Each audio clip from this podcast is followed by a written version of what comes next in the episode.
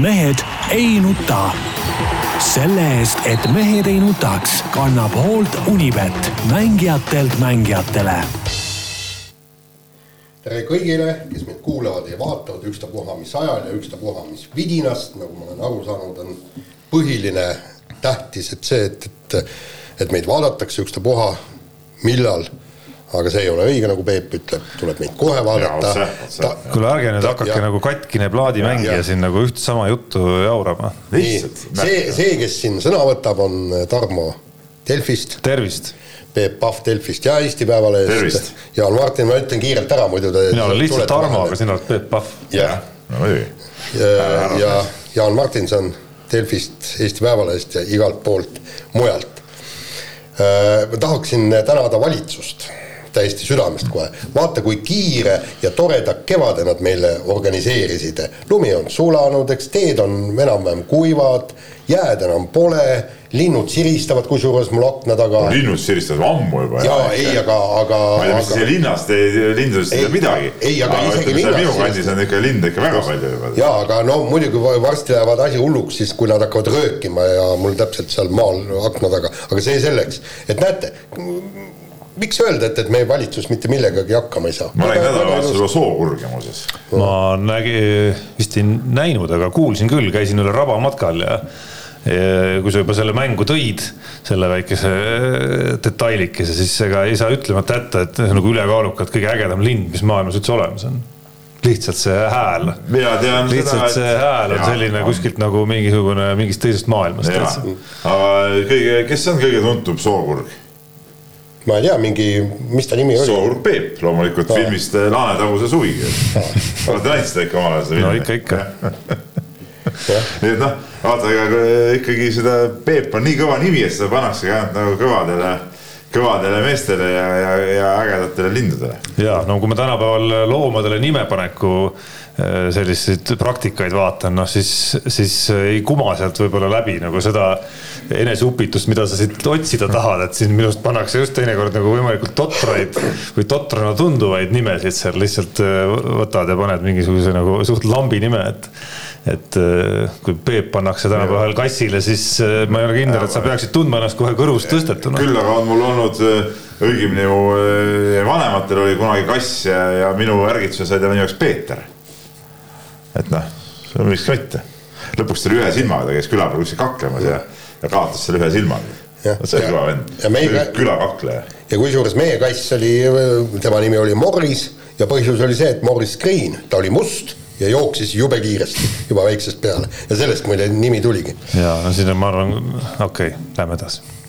ei hakka uut dimensiooni siia teemasse sisse tooma siin nii, aga täna meil on sporti palju ja meil on põhimõtteliselt ongi vist ainult sportlikud teemad. Äh, ja... skandaale polegi või? ah, skandaale, no küll me punume siin mõne, ma arvan aga hakkame kohe pihta iluuisutamisest ja Eva-Lotta Kiibus ja Aleksandr Selevko tegid väga võimsa, ma rõhutan, eks, vabakava ja, ja noh, ütleme koht MM-il oli, oli, oli päris hea, kuigi oleks võinud tsipa kõrgem olla, aga mis põhiasi, eks pääsesid olümpiamängudele.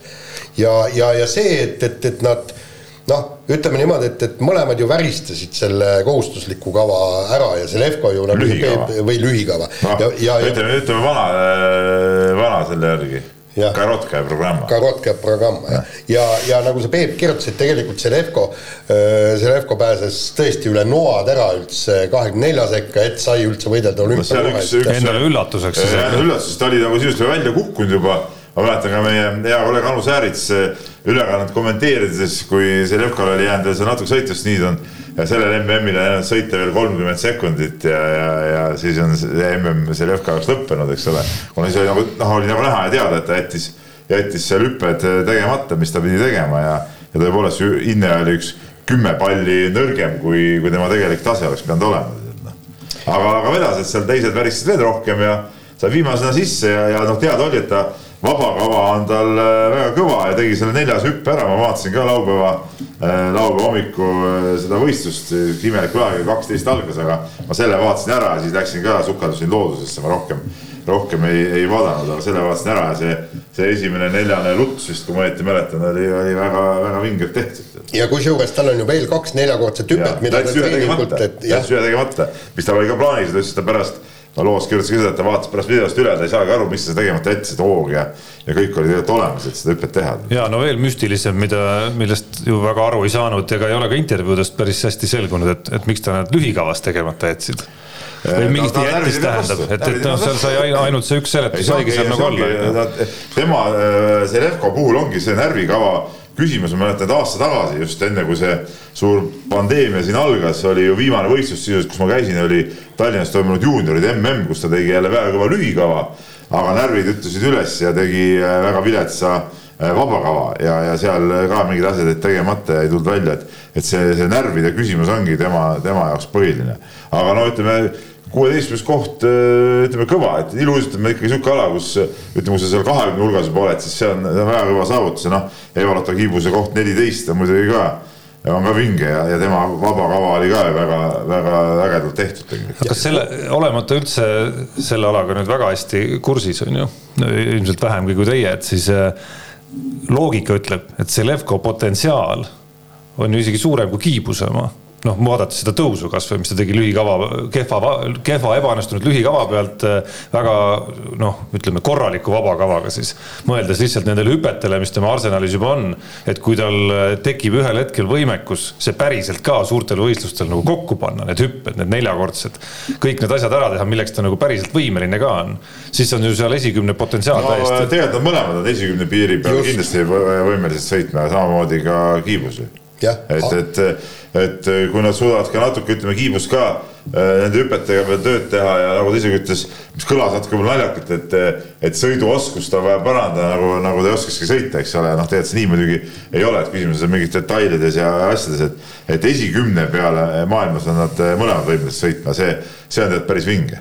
ja kusjuures tegelikult selle Zelevko puhul tähendab noh, kui ma esimest korda teda nägin mõned aastad tagasi kuskilt noh, teleekraanilt ja, ja nüüd ma olen teda rohkem vaadanud, et no minu meelest noh, ta, ta on üks niisugune plastilisemaid ja emotsionaalsemaid äh, meesiluuisutajaid üldse, talle, talle see sobib, et kui ta läheb seda, seda kava tegema, siis ta ongi nagu vaata, kunagi oli Tammiste oligi mäng ise Mm -hmm, mm -hmm. ja, ja, ja täpselt sama võib öelda Selevko puhul, et, et ongi see nagu nii-öelda kava ise, kui ta seda sõitma läheb ja mis on muidugi veel üks huvitav detail, tal on ju aasta noorem vend, kes hüppab ka neljakordseid juba kes vähemalt treeningutel. kui oli Eesti tsempionaat, ma käisin jaanuaris äh, vaatamas, siis äh, lühikavas ta oli ju parem kui Aleksander, oli see vend oli parem. no vot, ma räägin, et, et, et siin läheb lahinguks ja mis tähendabki, et nad peaksidki jõudma maailmas esikümnele, kui nad tahavad mõlemad siis saavad, siis saavad mõlemad tõsi, jah, ma nüüd vaatasin protokollid täpsemalt ka üle, et see Levka vabakava oli ikkagi viieteistkümnes, mitte seal kõrgemal on ju, et ta lihtsalt tegi selle tõusu osas suht maksimaalselt maksimumi, mis sealt kahekümne neljandalt oli võimalik, et. et Eva-Lotta Kiibuse ja Eva-Lotta Kiibuse vabakava oli isegi parem tegelikult koha mõttes, kaksteist. jah, see tõus oli lihtsalt suurem. jah, aga no vaata, siin nüüd tulebki, tulebki mõlemal vaadata, no tähendab, Selevkol on ju täpselt teada, kuidas siit edasi minna, eks. et äh, neljakordseid, neljakordseid, neljakordseid, et lõpuks. no ta ütles, et ta teebki uue kava tegelikult järgmiseks hooajaks vähemalt selle äh, vabakava ta teeb täitsa uue jah, ja, ja, ja, ja temal on näha, aga vaata nüüd Eva-Lotta Kiibusega on, on tõesti, võib-olla seal on, kuidas see detailides on kinni, see edasiminek, noh, nagu ütles, et uisutamine, eks vaata, need on need sammud, mis, mis, mida ka hinnatakse mm. ja kõik, kuidas see kõik see tempo ja kiirus ja kõik, aga ka tema peaks hakkama nelja, neljakordseid tegema, kui ta tahab ikkagi võidelda. kui sa lugesid artiklit, siis seal oli kirjas, et et eh, seda, et talle on öeldud eh, nii ta oma treener Anna Levandi kui ka mingid välismaa treenerid on öeldud, et tal on võimekus muidugi olemas kuigi ütleme, naiste seas praegu neljased hüppavad ikkagi väga üksikud.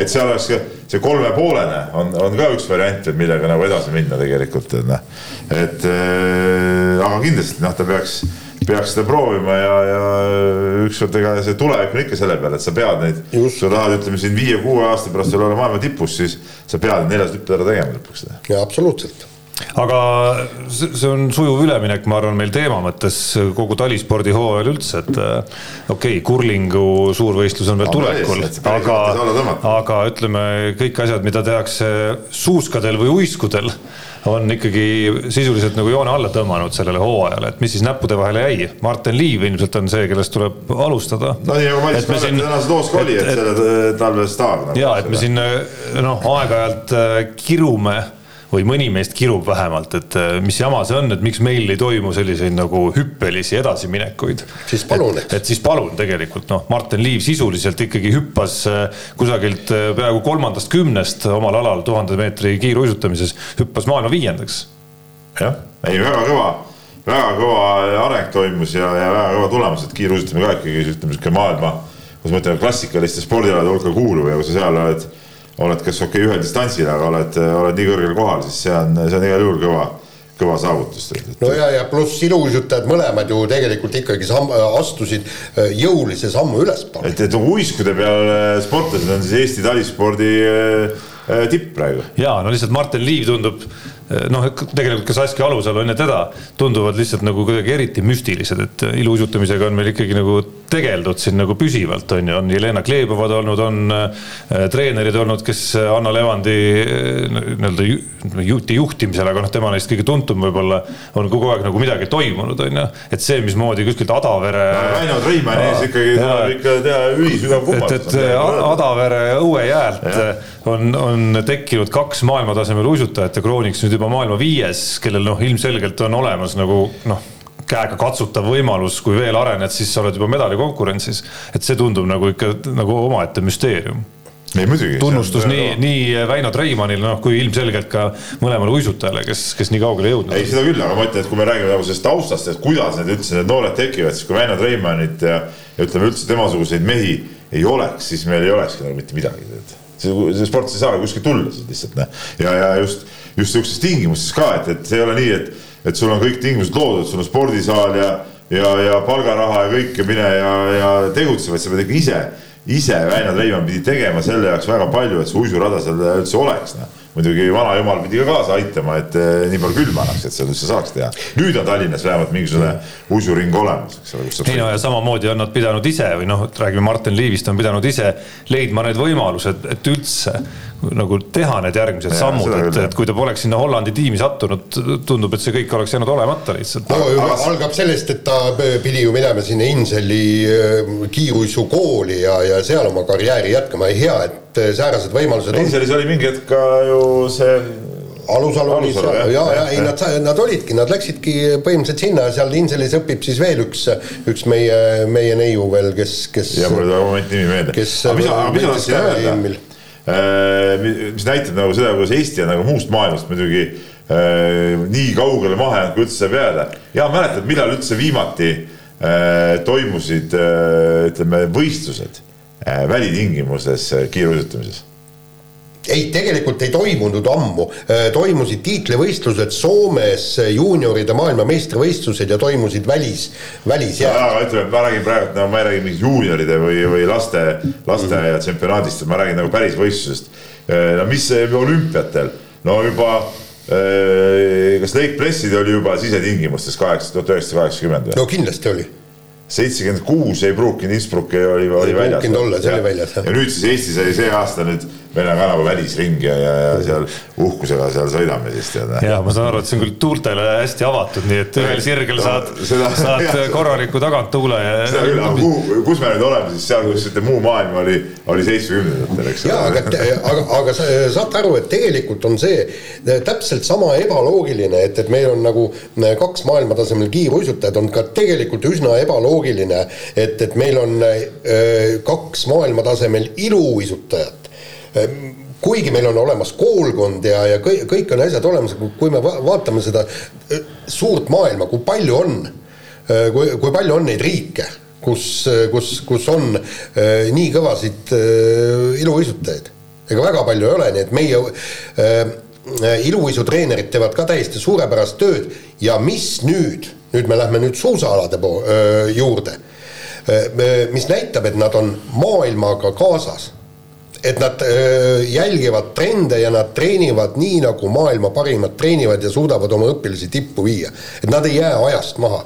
mida paraku tuleb öelda öö, näiteks Murdmaa kohta, no ei saa me öö, asju aetud. ei saa asju aetud ja, ja, ja siin ju on ju need intervjuud, eks meie peatreeneriga on ka olnud ja, ja, ja ta ka, ka ütleb see, et, et me peaksime ikkagi vaatama, vaatama natukene sinna, et mida teevad norralased, mida teevad rootslased et, et seal, seal on nagu see, et, et me, me ei aju, ei aja asja õigesti.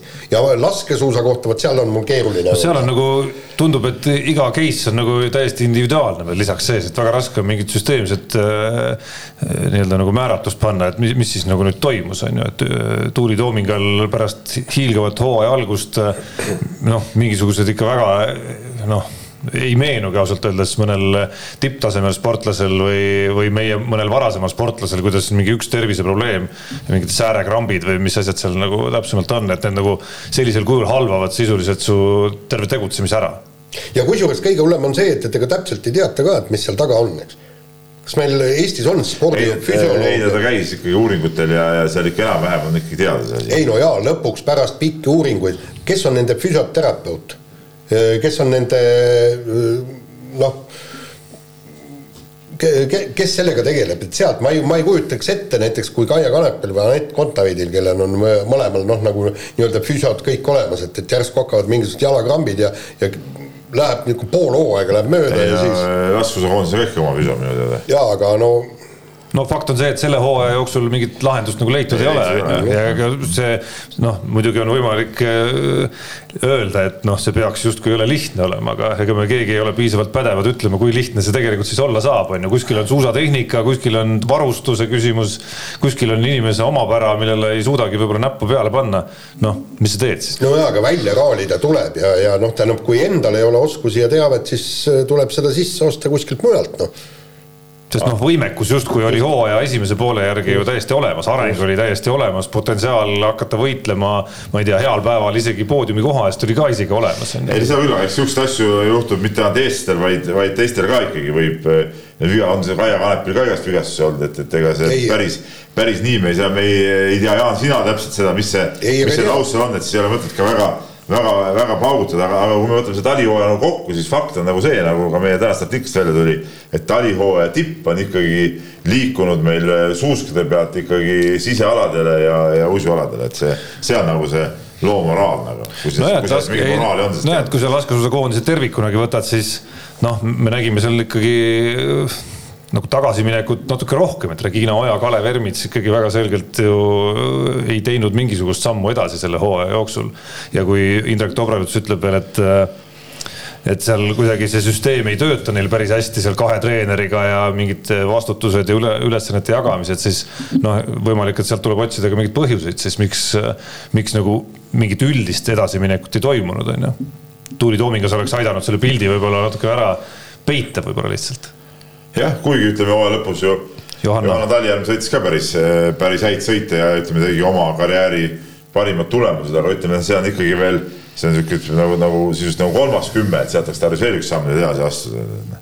kuigi noh, järgmine aasta olümpia, olümpia aasta ja, ja Johanna pluss on muidugi see, et ta on alati suutnud ennast just nagu olulistes võistlustes äh, vormi viia, okei okay,, eelmine aasta läks ta nässu, aga ütleme, äh, oli ta, on ta varasematel olümpiatel olnud äh, hea ja, ja seekord oli MM-il ka noh, omal, oma, oma tasemega võrreldes ikkagi hea. jah, aga, aga vahe ongi jällegi selles, eks, et kui me nii-öelda uisutajatelt ootame, tähendab Martin Liivit kahtlemata esikümne kohta. Ja iluuisutajatelt ka ikkagi tead. ja, ja iluuisutajatelt ka, me räägime ikkagi kohast esikümnes, eks ja, ja, ja, ja, ja noh, vaadates eriti, kui keeruline on nendel aladel olümpiale saada. kui oleks samasugused tingimused, siis meil ei olekski ühtegi laskesuusatajat olümpial ega ühtegi murdmaasuusatajat ei oleks nii. noh, küll aga oota, ei, ma veel hüppaks edasi, et meil on kaks, kaks olulist sportlast veel ju mainimata, kes tegelevad ka suuskadel hüppamisega, üks suusatab ka sinna juurde veel, ehk siis Kristjan Ilves ja, ja Arti Aigro. no Arti Aigro kindlasti oli selle aasta üks sihuke edasiastujana, et ütleme juba see, palju ta lõpuks MK-sarjas punkte kogus, et see oli Eesti rekord, nagu ma saan aru. oligi, oli küll Eesti rekord, aga kui me vaatame seda dünaamikat, eks ma hooaja alguses pärast seda Soome võistlust panin talle kohe eesmärgiks koguda vähemalt sada punkti ja, ja seda, seda ta ei täitnud ligilähedaltki. ja, ja siis Äh, siis ma vaatasin seda, et, et kus, kus see on. Ja siis, kui hakkas see nullide rida äh, pihta seal äh, pa, alguses paar head etappi ja siis, siis vajus ikka hooaja keskel ära, lõpus jällegi venitas ennast üles, et, et ütleme, stabiilsust ei ole ja, ja seda ei saa tema kohta kindlasti öelda, et ta on niisugune kindel põhivõistlusele pääseja või siis kindel teisele hüppele pääseja ehk et pidev punktimees. et sinna tuleb nüüd saada ja no. täpselt, täpselt sama on ka Kristjan Ilvese puhul, tema toob oma punktid alati ära, eks, aga me ikkagi räägime tema puhul juba esikümne kohast. no tema kohta on, ma arvan, ta enda resümee on väga kõige tabavam, et äh, jah, karjääri parim koht, seitseteist MK-sarja kokkuvõttes, aga tegelikult oli eesmärk natuke kõrgem. Ja ma arvan, et see puudutab nii hüppestabiilsust äh, nagu üleüldist sõidukiirust mingite väikeste protsendipügalate võrra oleks tahtnud lihtsalt äh, ta ise temast endast alustades, et see samm edasi oleks olnud natukene veel suurem lihtsalt, sest suuremate sammudega on suurem tõenäosus, nüüd on kõva loogika, äh, loogi, loogika on, suurem tõenäosus jõuda ükskord sinna, et sa võistleski medali pärast et noh, praegu sa selle nivoo pealt veel nagu tegelikult väga realistlikult ei tee seda. jah, nii on. vahetame teemat, läheme oma lemmikala ehk jalgpalli juurde, eks ole? ja, ja.. Eesti jalgpallikoondis, mis viimasel hetkel sai siis kõvasti räsida, alustas uut valiktsüklit ja alustas seda siis mängudega Tšehhi ja Valgevene vastu ja üldskooriga neli, kümme noh. see äh, neli on neli hea. väga hea, neli on väga hea ja ma ütlen, et äh, Anier kolm väravat, noh, tipp-topp. siin ei ole midagi öelda, et rünnaku poole pealt, et me suudame kolle lüüa, äh, on nagu vinge, aga noh, see kaitse nüüd muidugi okei okay,, seal oli muidugi mängis ka siukseid mehi, kes seega see, et taseme poolest muidu poleks sinna mahtunud, kui poleks seda koroona jama olnud, aga ikkagi kümme, kümme kolli on ikkagi väga palju. aga jube raske on seda nagu noh, kuidagi siin nagu rappida, et kui sa võtad ära sealt nagu sellise plejaadi nii-öelda kaitsva orientatsiooniga mängijaid, olgu siis kaitseliinist või sealt eh, kesk, eh, nii-öelda poolkaitse tagumisest osast on ju, et eh, noh kõik need eksimused, justkui vaatad peale, kõik need väravad või enamik nendest väravatest, mis meile löödi, oleks pidanud nagu täpsema kaitsetöö puhul justkui olema võimalikult nagu ärahoitavad, on ju. seal jääd üks-üks duellides alla ja kuskil aeglaselt, kuskil vale positsioon, nii edasi, on ju. aga noh, see ongi see tase, eks ole, et kui sa võtad järgmisel tasemel mehed, siis, siis neid eksimusi hakkabki tulema. ja ega väravahid ka nüüd kumbki ei, ei Aksalu ega, ega Igonen ei, ei olnud nagu minu arust nagu nüüd päris tipptasemel, noh, me ei saa otseselt midagi ette heita, aga ütleme, värava asi on päästa, aga seda päästmist kui sellist seal ei olnud. kogu aeg ikkagi noh, tahaks näha, aga, aga, aga tõesti ei oska vaadata seda võrdlust teiste riikidega, okei okay,, kui võtta Itaalial, Itaalial niisugune kolmkümmend, noh, kakskümmend viis paremat venda eest ära. no juba siis natukene midagi ilmselt seal muutub, ma arvan aga kui me räägime väikeriikidest, näiteks kas või võtame Soome ja võtame temalt kakskümmend viis paremat mängijat eest ära, saadame ülejäänud satsi platsile. ma arvan, et, et sealt ikka tuleb tuppa ka parasjagu no,. hästi, võtame kakskümmend viis paremat mängijat ära, aga noh no, väikse, väikse liialdusega, põhimõtteliselt sul on on muidugi jah. no ma arvan, et me, ma julgeks väita, et me oleme ikkagi nagu suhteliselt õblukesed hetkel. no muidugi oleme õblukesed. ei, aga, aga saad aru, ega Eestil ei saagi olla seda noh, nagu Ameerika jalgpallis nad räägivad seda sügavust vot see ongi see, et, et kuidas Ameerika jalgpallimeeskonnad, äh, mikspärast nad hunti äh, tahavad, sellepärast et ta annab meeskonnale sügavust juurde, et ta ajab oma asja ära, ta ei ole tippmängija, aga kui ta väljakul on, ta teeb oma töö ära. ja me, meie väike, väikesel Eestil ei saagi jalgpallis olla niisugust sügavust. no ega meil mingit arengut ka ei teki nagu arvestatavat arengut tulemustes, ma arvan, kui meil seda sügavust juurde ei teki, et meil ei teki juurde välisklubides päriselt mängivaid mehi, äh, kes on nagu põhirotatsioonis, on leidnud nagu õige koduklubi enda jaoks õige taseme, ükskõik, kas ta on Skandinaaviast, on ta Poolas, äh, on ta Itaalias või, või Inglismaal, on ju. et, äh, et kui meil nagu nende mängijate hulk ei kasva, noh, pluss siis need, kes koduliigas ka nagu silma paistavad, noh, ma ei tea, nagu Rauno Sappinen näiteks, on ju. et kui nende mängijate hulk ei kasva, ega siis noh, on raske, et äh, mingite üksikute nii-öelda säravate tüüpide pealt tekib see koondise nagu üleüldine paranemine, et noh, selliseid olukordi, kus sul on kõik äh, ütleme siis nagu palju sul väljakul läheb vaja, ütleme sihuke kolmteist, neliteist mängijat per mäng on ju. et kui sul nad kõik alati olemas on, ei, ei, ei eksisteeri tegelikult, alati on kaardid, alati on vigastused, koroona ajal on alati nagu näha hoopis veel mingisugused muud mõjutajad sealjuures. et noh, me oleme ka tuues korvpalliparalleeli, elanud ka väga erinevaid aegu seal. et justkui ka mingil hetkel tundnud, et noh, seda sügavust ei saagi nagu olla meiesugusel riigil. aga nüüd viimases aknas nägime, et natuke on tekkinud siiski.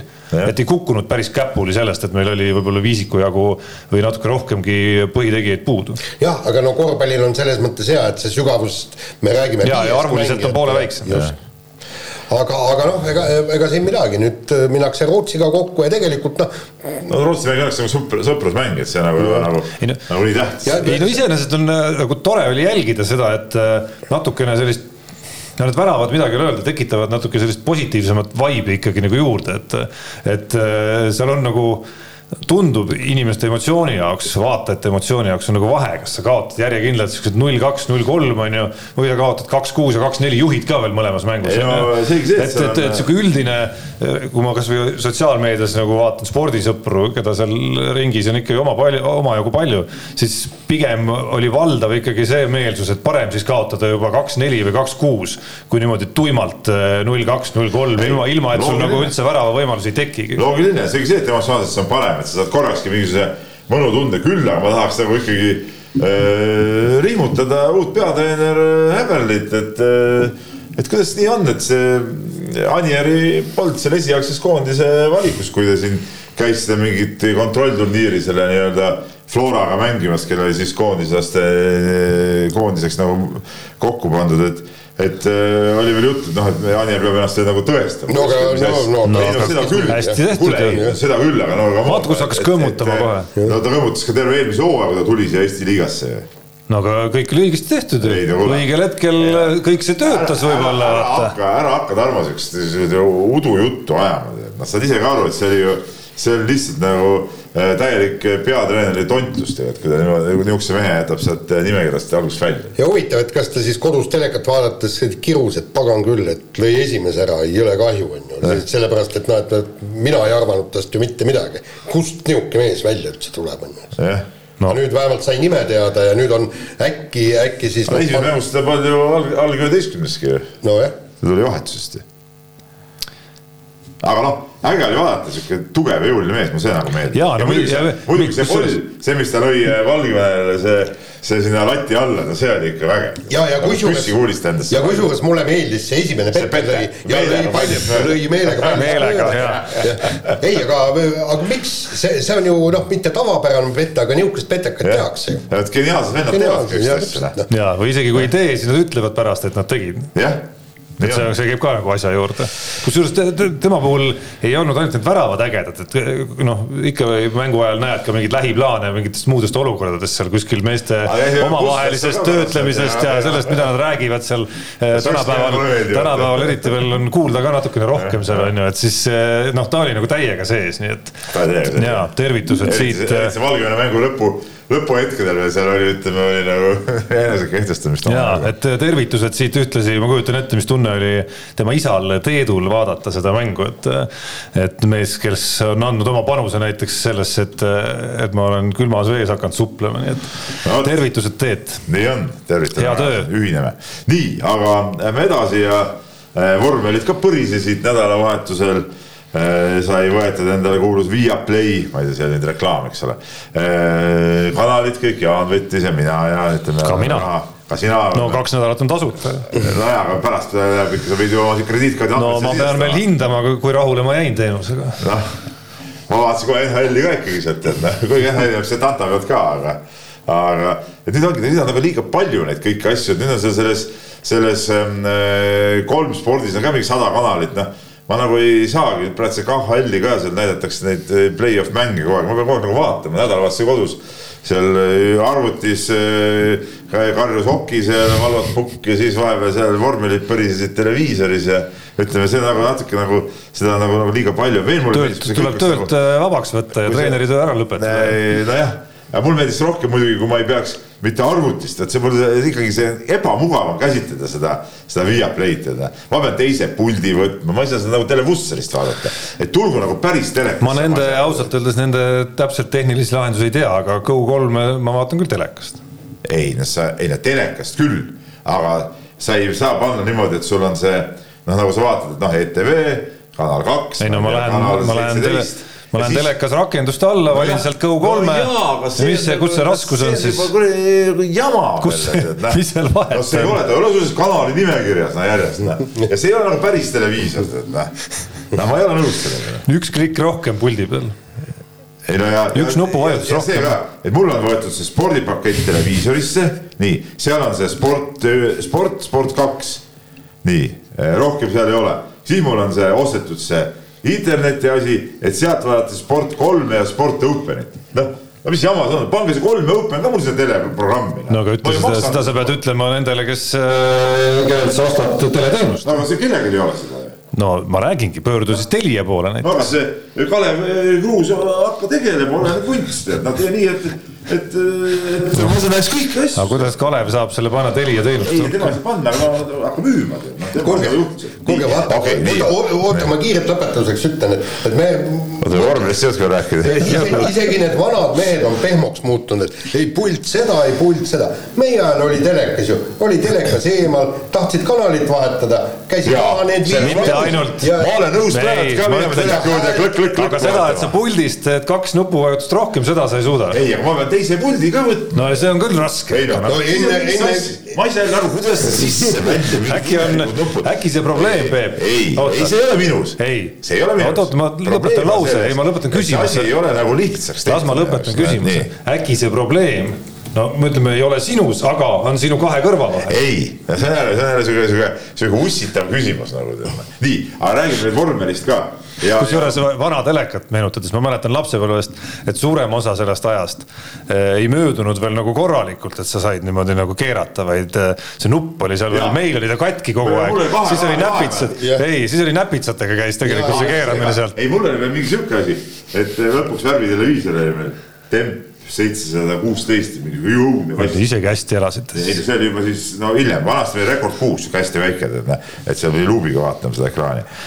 ekraan oli umbes sama suur kui see arvuti, aga pärast sai temp, nii, aga see selleks, ja siis kui tulime see värvitelekas, ma siis ma selle räägin kõik ära, siis eh, esimesel päeval ma vaatasin isegi, ma olin siis sihuke, mis ma võisin olla seal üheksa, kümme, üksteist võib-olla, ma ei mäleta, kaheksakümnendatel või kaheksakümnendate alguses või seitsmekümnendate lõpus. vaatasin isegi freime ära, kuigi ma siis vene keelest midagi aru ei saanud, sest see pilt oli värviline, see oli nii äge, siis ma vaatasin tal selle ka ära koos isaga. nii, aga nüüd ma tahtsin tulla vormelite juurde, ma tahan öelda seda, see vormel kaks sarja, see on jama minu arust. See on täiega igav asi. Ei ole, miks ta on igav? Igav ta küll ei ole. on küll igav. Kus ta igav on? see on nagu eba, seal on mingi see- vaat selles ma olen- selles olen tekitatud nõus. mingisugused asjad ja see ei ole minu arust põnev, kui on kunstlikult tekitatud, et mingi vend stardib kuskilt sealt viimaselt kohalt siis nagu on, et, et saada järgmisse üks paremat kohta, siis on kõige parem on lõpetada eelmiseks kümnendana. no see on mingi jura ju noh. et miks just, kas sa oskad Jaan ära seletada, et miks just kümnes, miks Ei. mitte, ma ei tea, kaheksas, kolmeteistkümnes või lihtsalt tagurpidi järjestus?, no see on kõik, see on ei, mingi täielik ma, ma, ma saan nii palju öelda, eks, et mida nad tahavad, on see, vaata see, kes oli kaks aastat, kaks või kolm aastat tagasi võitis ära selle GP2 sarja, too, toona oli GP2, eks. ja põhimõtteliselt vend ju lepingut ei saanud F1 tiimidega, ta oli üks aasta teine ja siis vist võitis ära või, või võitis kaks aastat järjest, vahet ei ole. ja, ja põhjus oligi selles, et ta oli teistest niivõrd üle eh, nendes madalamates sarjades, ka väiksemates sarjades. et näiteks vend, vend põhimõtteliselt terve hooaja jooksul sooritaski üldse ainult kaks-kolm möödasõitu ja, ja mitte kunagi ta ei sõitnud mööda endast kiirematest vendadest. ja vormeli bossid vaatasid, et meil ei ole nihukese vennaga mitte midagi teha, sellepärast vormel ühes, kui sa tuled, sul ei ole seda luksust ja seda võimalust. ja nüüd tahetakse, et aetakse need kiired vennad, sest lõppkokkuvõttes unustage kõik ära need kuradi kohad, et um, jaa, aga spordi mõte on mängida ju võidu peale, Jaan. mis lollus sa suust välja ajad, see on treeningutel, see on mingisugustel testisõitudel, pane seal kasvõi maa alt alusta seda sõitmist ja, ja tule välja ja võida, aga võistlus vormel kaks, maailma tähtsuselt teine äh, ringlasõidusari, peab lugema võit. või mis mõte sellel asjal on siis? Sellepärast- mis sa neid karikaid seal annad, mis mõte seal on siis tead noh? ära hakka mulle siukest jama ajama, võta, võta nüüd ette etalon, mis on nagu ringraja spordi etalon, motikate ringrajasõit. Kas ütled, et GP2 ja GP3 on Ei, seal, on seal ei, siis kuidagi ei, tahavad kümnendaks ei, jääda selles mõttes võita? ei, aga saad aru, no ei, vot ei saa aru, ei saa aru, võidu mõte on see, kes ees see mees, see on võidusõidu mõte. ja no lihtsalt ja. see noh, teoorias võib nii olla, Peep, aga praktikas on näha, et seal ja toimub siis, mingisugune selline nagu. ärge tehkegi üle. Sorry, mingisugune sihuke nagu, nagu farmiliiga mingisugune nagu mm. mingisugune väike olemus on seal ja, natukene juures. ja, ja, ja näiteks, näiteks vaatame, kõik noh, räägiti, et, et Jüri Vipsi nädalavahetus läks pekki. sa ise kirjutasid kommentaari, kuidas ta oli kehva. ei, kehva oli ta sellepärast pane tähele, ta oli kehva sellepärast, et korjas need kolm karistust. tegelikult oli esimesed kaks sõitu kuni viimase ringini oli perfektne, ma kujutan ette, need Red Bulli bossid vaatavad. vend alustab viimasest stardikohast, kuhu tal on jõuda vaja? kümnendale kohale, sest äh, üheksas koht ei anna mitte midagi, see ei anna ühtegi punkti juurde, annab ainult ühe kehvema stardikoha, eks. kaheksas koht annab ühe ühe punkti juurde, aga kaks kehvemat stardi. muidugi tõele au andes oli ta üheteistkümnes muidugi. ei, ees sa ju, see oli. ja ma tean, ma tean. saad aru, ta oleks ka selle ühe koha ka veel võtnud järgi ma kuju, usun, aga tal ei olnud rohkem vaja, tal oli täpselt teada. see ongi debiilsus, seda me räägime teile, mis asja te avate meelde. Järgmises sõidus oli esimene. Startis esimeselt, eks, lasi selle äh, hiinlase, lasi ette sellepärast, et äh, too läks pehmete rehvidega, see okei. Okay.. säästis õigelt rehve ja hakkaski lõpus, tal oli see võit käes, kuni käigukast üles ütles. ühesõnaga, kui ta oleks selle võidu kätte saanud, ta ei oleks seda võitu saanud, vot selle kuradi viiesekundise karistuse tõttu. et, et, et vot see oli jama, aga, aga kui see käigukast oleks, siis oleks ikka kaks esimest päeva täiesti perfektne, täiesti perfektne seesama Helmut Marko ja Red Bulli bossid oleks aplodeerinud talle, vot see on sõidu. ei, see on tore no,. sama viimasel päeval ka siis, eks ole, ilma selle karistuseta liikus ta nagu ka õiges no, suunas täpselt. tegelikult ta oleks pidanud seal, ta oli. aga minu arust ta ikkagi püsis viimasel päeval seal liiga kaua seal taga, et ta ei suutnud ikka möödasõite teha. just, ta oli üheteistkümnendal kohal, noh, tähendab enne seda rehvivahetuse värki ta oli üheteistkümnendal kohal ja sealt oleks pidanud äh, mõned kohad tõusma. ta oleks pidanud lõpetama kaheksanda, seitsmenda ja siis oleks täiesti perfektne ilma nende karistusteta kas tahad vormel ühe kohta ka mõne sõna öelda? no tahan sedavõrd äh, palju öelda, et, et tegelikult tuleb vähe põnevam. üle pika aja ma pole nii põnevat sõitu näinud, kusjuures see põnev sõit hakkaski just see, sellest hetkest peale, kui Verstappen hakkas Hamiltoni taga ajama, eks ja siis olid küll, tead tõesti vaatasid kõik need sekundeid ja vahed väga, no väga hästi, hästi nagu näitas, aga, aga noh, näed, Verstappen sa pead mööda sõitma täiesti kindla peale, sellepärast sulle antakse ainult üks võimalus möödasõiduks. aga, aga vend läks. mulle see rada ka ei meeldinud. rada on muidugi. rada oli igav, ümber tühi mingisugune mis asja, tead, no mis sa polnud midagi vaadatagi, tead, noh, polnud üldse nagu ringi moodi. aga, aga tegelikult oli see päris hämmastav, et see. niisugune häda, häda sul kogu aeg kõigega. jah, on. et Lewis Hamilton võttis jälle oma ära. aga no vaadates kiiruseid, siis äh, vähemalt tõotab nüüd lõpuks Tõotab, nagu algusest peale tasavägist hooaega. jama on see, et muidugi no Hamilton, no see on täis tont, seda, selle poolt ma ei ole mingil juhul. ja see Verstappen mulle ka ei meeldi. aga mis tal viga on? mis tal viga? imelik vend natuke tead noh ei tea, minu arust peaks olema nagu tüpaažilt just sihuke tüüp, mis sulle meeldib, siukene pisut arrogantne ja selline nagu. nojah, aga ei, ma ei tea, mulle ka ei meeldi ja mulle see. nahaalne, nahaalne tüüp. Pole kellegi poolt olla, tead noh. Raikonen on seal taga kusagil, tead noh. Pole kellegi poolt olla vormel ühes, noh ägedat vendi pole. Noh. väga raske elu ikka Peebul. ma ei tea, mis me teeme. ole Mazepini poolt, see on äge vend. ah, see seina pani või? ah, see on, see on meie mees no,. see on meie mees jah. aga no ruttu sai läbi, mis ma ülejäänud ajast teen.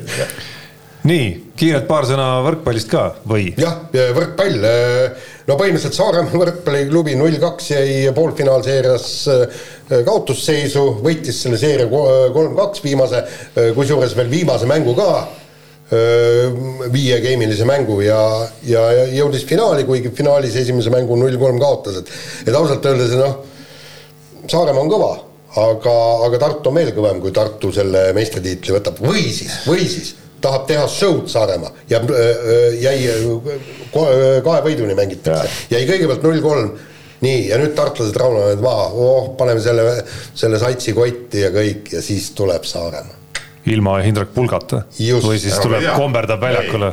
kuule, mäletad, kuidas Kuusmaal kube ära paranes, miks ei võiks siis Pulga lükakas samamoodi paraneda mm.? hoitakse salaja, mees teeb seal kuskil õues, teeb sooja onju ja siis, kui on, ütleme see väljajooks, siis mees jookseb välja ja siis kohe esimese tõste pealt kohe hooga see väljajooksu pealt kõmatab kohe maha, mis see võiks ja. nii olla. vot see oleks efektne. no kui me siin juba võrkpalli juures oleme, siis äh, ma pean ütlema, et isegi mõnes mõttes sellest, nendest seeriatest rohkem mind erutas uudis äh, selle kohta, millise sponsorlepingu Tartu võistkond sai Bigbankilt viissada tuhat. aga see oli kolme aasta peale vist. ja, ja aga ikkagi noh, see on ikka nagu no võrkpallis veel eriti, et äh, tõesti väga kõva sõna. ehk siis minge võtke kõik Bigbankile laenu vaata, kas see liiga ei ole see mingi teine see krediit. krediit kakskümmend neli, jah. et noh, see, see on puhas mingi liigkasuvõtjate äh, paraad on, ütleme võrkpallist nii sellise diagnoosi paned kohe täiesti tavalisele finantsteenusele. sa oled isegi, okei okay,, Kredit kakskümmend neli on, seal on, äh, see on natuke. sa oled isegi Bigpanga klient olnud minu teada korralik koht, aga Kredit kakskümmend neli kümme just mingisugune noh, ja nagu ei luba, ei, ei, ei soovitata võtta sealt asju, tead noh. ei tea, aga Bigbank. ma ei ole piisavalt tuttav nende tegevusega. väga asja. ja, aga jah, see. muuseas aitame Uudmäe olümpiale, mäletad, nad olid ikka Uudmäe toetajad ka. nii, aga nüüd laseme kõlli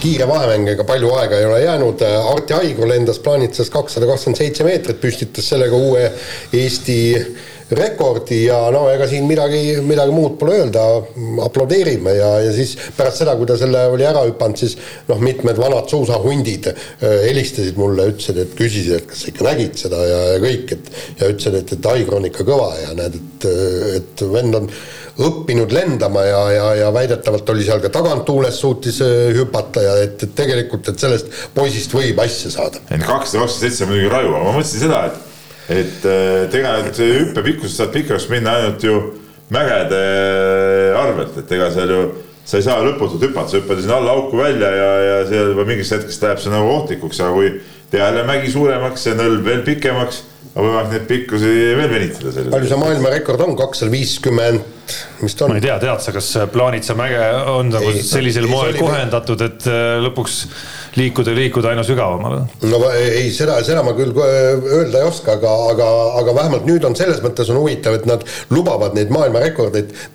noored mehed võib-olla, kunagi oli ju see Mati Nüganeni aegadel oli veel see, et lõpuks nad ei tahtnud, et liiga pikalt hüpata ja. ja siis pandi piir. et ühesõnaga niimoodi, et ka võistlustel oligi niimoodi, ma, ma ei mäleta, kas see oli sada üheksakümmend või kuskil niisugust meetrit to, toona oli nii, eks. pidi hüppe alla tooma nii-öelda. ja, ja kui sa hüppasid äh,, ei, kui sa hüppasid äh, näiteks kakssada viis meetrit, arvesse läks ikka sada üheksakümmend ja, ja, ja, ja, ja maailmarekord on ju ka, maailmarekord öeldi, et püsib maailmarekord sada üheksakümmend meetrit, no midagi niisugust oli. aga, aga siis ikka tuldi mõistusele ja kurat, need pikad hüpped, vahest Eurosport näitab seda vikersuulis. jaa, lendavad ja lendavad ja lendavad. täitsa, täitsa müstika. on küll, jah. aga täitsa äge uudis tuli meile nädalavahetusel ka ühelt äh, olümpiaalalt nimeks laskmine ehk siis Peeter Olesk võitis olümpiakiirlaskmises MK-etapi ja kindlustas endale ühtlasi ka olümpiakoha. no tore, Peeter Olesk on Martinsoni patsient. just, aga te vaatasite otseülekannet? teate, noh, jällegi ma ütlen, kui keegi tuleb siin ütlema, et, et mis on teleala, mis ei ole teleala, siis ütleme nüüd niimoodi, et see laskmine tõesti noh, et, et see on teleala. ta käib kiirelt, kogu see finaal oli ju, finaal oli ju umbes pool tundi kestis seal niimoodi, kõik lasevad äh, kolm seeriat ja neljandast seeriast kõige kehvema tulemusega hakkab ära kukkuma. ja seal on siis kõik niimoodi, vennad lähevad nelja sekundiga viis lasku. nii, ja siis näitab, kas rohelised täpid või punased, palju ta pihta sai, kohe number, kõik näitab emotsioone. ja, ja siis läheb finaalini lõpuks siis Olesk ja öö, äh, Olesk ja siis see mm, teine vend, mis ta oligi, ma ei mäletagi, äh, finaali ja siis oligi ümberlaskmise järele alles Olesk võitis. ütleme niimoodi, et, et võttis ikka pulsi üles kui hoiad meie meele pöialt. et laskmine on teleala teatud juhtudel. ei, seal samamoodi, vibu laskmine samamoodi, seal saab ka väga teleatraktiivseks teha. kuule, me käisime Londonis sinuga vaatamas seal, seal. mitte ainult Londonis, me käisime ka äkki. Riios Riios jah, minu arust me oleme kahest, kahel olümpial vähemalt. ja just see, see. no ma mäletan, et ka Londonis sai käidud, ise, isegi sai käidud. aga see play-off laskmine. mäletad kuskil mingi, mingi olümpial oli see, kus Neinar Sali oli see noore poiss ju. vaata käis seal, see oli, see oli vist Londonis või? käis tema seal, äh, sammus sinna neid nooli välja tõmbama. ja kusjuures seal pidi ka töö olema seal, et, et kui ja, on umbes tead, et, et, et kutsub kohtunikud teatud, ei, tegelikult viibulaskmine on ka äge. kõik klassikalised spordialad ongi ägedad. see on nagu päris sport ikkagi nii, nii., ah soo mina. No päris sporti tehakse ka ikkagi korvpalliväljakul ja, ja Maik-Kalev Kotsar on nüüd tõusnud küll väga vägevasse hoogu ja, ja Saksamaa Bundesligas siis Hamburgi meeskonnas on nad, on ta alistanud äh, kaks Euroliiga satsi siin järjest, Berliini Alba ja Müncheni Bayern ja mõlemas mängus Kotsarilt vägevad sooritused ka nii, nii punktide kui, kui lauapallide osas, seal oli vist kas kakskümmend punkti mõlemad mängud ja. ja ühes, ja, ja, ja, ja et ikka nagu võtab südame alt soojaks, ei tohiks vist kahtlust olla praegu, kes on äh, Eesti nagu nii-öelda selle hooaja parim korvpallur, kui sa vaatad liigasid ja, ja seda rolli, mida keegi mängib seal. Ja midagi ei ole öelda eks see võtab ootused ikka päris kõrgele selles osas, et kuidas see karjäär võiks nagu edasi minna, selge, et hooaeg ei ole läbi. Äh, ja, ja see stabiilsus on ikkagi see näitaja, mida tuleb siis igas järgmises mängus jälle tõestada, tõestada, tõestada, on ju, et. et oled täpselt nii hea enam-vähem kui su viimane mäng, kõik need asjad käivad asja juurde. aga noh, see, kuidas seni on see tema kohavalik õnnestunud klubi valimise mõttes ja kuidas sellel klubil on läinud ja kuidas tal endal on ikka nagu müstiliselt äge. Ja nüüd noh raske on varjata seda unistust sellest, et just sellised mängud võiksid avada mingisuguse järgmise ukse järgmiseks hooajaks, et noh, kui sa vaatad kasvõi äh, meile kõige eestlastele väga südamelähedast korvpalliklubi Kaunase Žalgirist on ju, kust on, äh, kust on siis leitud endale neid äh, ütleme siis järgmisi põhitegijaid, on ju, kust tuli Toomas Walkup näiteks. Äh, üks viimaseid edulugusid, on ju, Saksamaa liigast pärast väga head hooaega. Äh, kust tuli Steve Asturia, okei okay,, ta ei ole Žalgirises, ei, no ei, ei, ta ei ole halb näide. ei, see on ära roppust. ei, ei no selles mõttes, et ta jah, tema läbilöök Žalgirises noh, ei õnnestunud või ei ole õnnestunud seni. see on üks tontlikumaid, see on üks tontlikumaid mängijaid. aga kust ta leiti, eks ole, on täpselt, on täpselt see järgmine, see on täpselt see järgmine samm, kust nii-öelda hoitakse hoitakse silma peal vendadel, kes nüüd võiks teha sammu edasi, ükskõik kas, kas see juhtub, ma ei tea, Müncheni Bayernis endas, Kaunases Žalgirises äh, või hoopis mingis Eurokapi klubis seal äh, kuskil äh, Hamburgi ja, ja, ja Euroliiga klubide vahepeal on ju. aga noh, et, et noh, minu isiklik ootus, mis siin salata, lendas küll lakke nende kahe mänguga. muidugi, mitte nende kahe, vaid üldse terve selle hooaja pealt tegelikult on ju, on ju näha, et on nagu kindlasti silma paistab ja, ja kindlasti klubid hoiavad siukse mehe silma peal, oluline on seejuures ka see, et võistkond on ju ka võitnud, eks ole, mitte, mitte ta ei ole, kuigi nad eelmine aasta oligi, Hamburg oli vist Saksa liiga viimane sisuliselt. et, et seal viimases satsis on ikka, seal võivad alati mingid vennad punkte teha ja, ja särada ja noh, sellel ei ole sihukest väärtust, aga kui võistkond nagu võidab ka ja on nagu konkurentsis ja nüüd võidab veel veel Euroliiga sats, vot see, see on nagu taseme näitaja. muide, öelge, kas see oli esimene korvpalli edulugu pärast Ameerika ülikooli. no esialgu, küll jah, esialgu küll jah. noh, jah, kuidas defineerida edulugu, aga no. suurim kindlasti, ülekaalukalt, ülekaalukalt suurim. Pole olnud ühtegi. Pole olnud midagi, null, zero kui sa nii ütled no,. ei, raske on, raske on ka vastu väita, et äh, ma ei tea, noh, hakkame arutlema, mis oleks Rauno Nurger teinud kuskil mujal, on ju, no, noh. no midagi, midagi sarnast, midagi sarnast, no Kalev Cramo ei ole ka halb koht, kus no, mängida. ja Eesti koondises mängis täitsa toredaid mänge. see oleks Nurger jõudnud võib-olla siin Eestis olles, et selle, see Ameerikas olek. ja no ei no mul on raske hakata argumenteerima, et see oli edulugu. et üldiselt on see mehed kõik ära kadunud ja noh, siis on olnud mingeid näiteid, kes on sinna läinud, on ju. ja noh, ütleme Janari Jõesaar on mingi, mingi hetkeni nagu on ja. hiljem osutunud edulooks, aga mitte tänu sellele, et USA-s käis. täpselt nii, aga võtame järgmise teema ja Delfi ja Eesti Päevalehe olümpiabaromeeter äh,. termomeeter, oleme täpsed nüüd ikkagi noh. termomeeter, no ma ei tea, baromeeter. ise kirjutasid loo ja. ei kirjutanud. olid osaline. tema nimi sai sinna pandud lihtsalt, et noh, et vanamees oleks ka juurest jaa, aga mis on kummaline, tegelikult me Märdiga enam, enamasti panime selle, selle loo kokku, et, et millegipärast on kõik need olümpiasportlased minu kaela peal. aga see selleks. ja Michael Uibo on siis kõige tõela, tõenäolisem olümpiamedali soosik. teadis Michael Uibo kunagi mõnda lugu teinud. ei okay., ega see, need ongi Mär-, Märdi, Märdi kliendid nagu, aga, aga, aga aga, aga tuli juurde ka, ka üsna kõrgeid tegijaid, eks, et noh, Peeter Olesk muidugi üks asi, vehklejad tulid juurde, vehklejad vehklemistiim tuli juurde, et et tegelikult oli vahepeal oli päris mul tekkis, mul tekkis seda lugedes tekkiski see põhiküsimus, et kas, kas tõesti vehklejad tervikuna ja, ja Epp Mäe tuleks paigutada Maicel Uibost tahapoole ja ei vehkled kindlasti. või äkki ettepoole ikkagi. mis ettepoole, Maicel Uibo valitsev MM-hõbe. vaata, vaata seal on. mis tahapoole peaks, mis ta peaks tahapoole siis vaata, siin on, siin on väga keeruline, et, et, et kui oleks noh, nagu mingisugune see vehklemine, see ei ole mingisugune. okei okay,, vehklemine, seal on juhuse mäng rohkem, Epp Mäe. Epp Mäe, mis Epp Mäe saanud on siis? no just no ma loen, loen neid kirjeldusi juures ja tundub nagu. ei no jaa, need on kõik väiksed võistlused olnud ju. Need ei ole tiitlivõistlused. ei, kuigi ta on ka tiitlimedaleid saanud. rahu, rahu. Ma seletan, kuidas see asi käib. ütleme, mina juhin seda toimetust, mina ütlen, kuidas asjad on, niimoodi. Äh, selge see, Uibo number üks, valitsev MM-hõbe, siin ei ole midagi rääkida. see Epp Mäe, noh, see on, võib olla seal ka, ütleme, ta ei ole küll tõestanud ennast veel, aga äh, enam-vähem sihuke ka variant vehklatesse ma usun isegi rohkem kui Epp Mäesse, sellepärast et. Neid on mitu. Neid on mitu ja keegi neist võib ikka õnnestuda.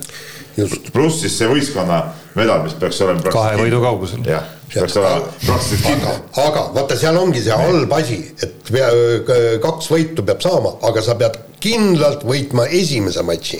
ja vot see ongi see, et, et protsente on väga lihtne arvutada, see Märt ostab seda, arvutame välja, kui suur tõenäosus on, et. minu arust vastupidi, ma ütlen, minu arust see protsent, see on mingi täiega umblugu tegelikult. ei, seal on, ei no aga sellest ongi see edetabelis. see protsendi jutt, no see on mingi väljamõeldis aga kokkuvõttes. see, et sa panedki, et kellel on äh, Uibo, suur võimalus, Epp Mäe noh, natuke väiksem võimalus, vehklejad eh, natuke väiksem võimalus, noh, see on nagu selge, see protsent on seal nüüd, ma ei tea, nelikümmend või, või kakskümmend, see, see on välja. ja ei noh, aga noh, kokkuvõttes nagu selles mõttes hõisata väga ei ole, et kui meie on parim protsent, kui meie parim protsent, meil ei ole ühtegi üle viiekümne protsendi. vot sellest ma räägin, see protsent ära vaata, me läheme praegu olümpial, meie. ei, mina arvan, oota ei, ma segan korra vahele, mina arvan, et need protsendid olid suhteliselt nagu pädevalt pandud, et ei, ei lastud Jaanil ilmselt väga arvutada seal, ma arvan, et see on see tagapõhi, miks see nii oli, et noh, meil ei ole, oota, oota oota, Peep, minu arust meil ei ole sportlast, kelle medali võitmise tõenäosus on suurem kui selle mittevõitmise tõenäosus. no see noh, kes oleks medali, nagu ehk siis, ehk siis, kes oleks medalisoosik. no ikka medalisoosik, Uibo igal juhul medalisoosik vehklejad. no ta on ikka selline neljas-viies medalisoosik. ei no miks neljas? kui sa võtad need tabelid lahti no, ja meeste potentsiaali. valitsev MM jube, ma ütlen veel, kuule medalid meil hakkab see tulema, me hakkame Jaaniga minema sinna Jaapanisse, me hakkame kirjutama edulugusid Uibo, ma usun, kirtsab terveks, medal, eks ole, nii, siis äh, vehklejad, äh, kaks medalit individuaalis, võistkondlik, Epp Mäe, äh, Olest põmmutab seda, nii kes meil seal veel on? Sõud ja. Sõud ja, oh Sõud, nelja paati igal juhul. ma kuulasin Peep, ma kuulasin äh, eile õhtul äh, Tallinna Aruküla vahet sõites ja, ja siis täna hommikul ka tööle tulles äh, meie Pihtas Põhjas korvpalli podcast'i, kus ikka. ma küsisin, kas sa minu teadsaadet kuulasid, selleks. ära vii juttu mujale. ja seal ikka. kusjuures minu saade oli varem üleval aga ta kuulab nagu hiljem tulnud asja no,. ja seal, ja seal, no sa pead oma järeldused tegema aga see näitabki suhtumist, kuidas sa suhtud nagu oma inimeste nagu tegutsed. ja seal, ja seal ikka, nagu sa tead, Peep, on see koht, kus noh, Ivar vahepeal läheb sassi natukene oma aega, eks ole. nii, ja siis eh, Gert Kullamäe kutsub teda natukene nagu korrale ja mainib, et noh, siin Fanta joomisest isegi on juba tekkinud mingid nähud, on ju. noh, põhimõtteliselt sul ei ole Fantat laual. kuri kahtlus, et see nagu Fantaga, seal nagu küll ei piirduta, eriti kuule, et ma olen saate põhikuulaja, ma olen praegu jõudnud ka selle saate poole peale. no fantast on see asi tihtipeale päris kaugel Mul..., aga see, et Ivar, Ivaril kogu aeg asjad sassis on noh, see on nagu, see on nagu selle saate firma värk, no üks sihuke umbluu vend peab ka alati olema. aga noh, ma saan aru, et sa tahad nüüd seda rolli hakata meie saates Miks? ikkagi haarama Miks? enda õlgadele natukene selgemalt, et äh, räägid siin juba no,, ma ei tea, seitsmest medalist meil. kõik on variandid olemas. ei, medalid on rohkem, mõned jäid. sealt tuleb edasi veel. ei, vägev, vägev värk. kuule, aga. laseme, laseme parem kõlli. kaks medalit. jaa, võimas, laseme kõlli. kõlli Unibetis saab tasuta vaadata aastas enam kui viiekümne tuhande mängu otseülekannet. seda isegi mobiilis ja tahvelarvutis. Unibet, mängijatelt mängijatele. Nonii, rääkige oma panustamise edulugusid.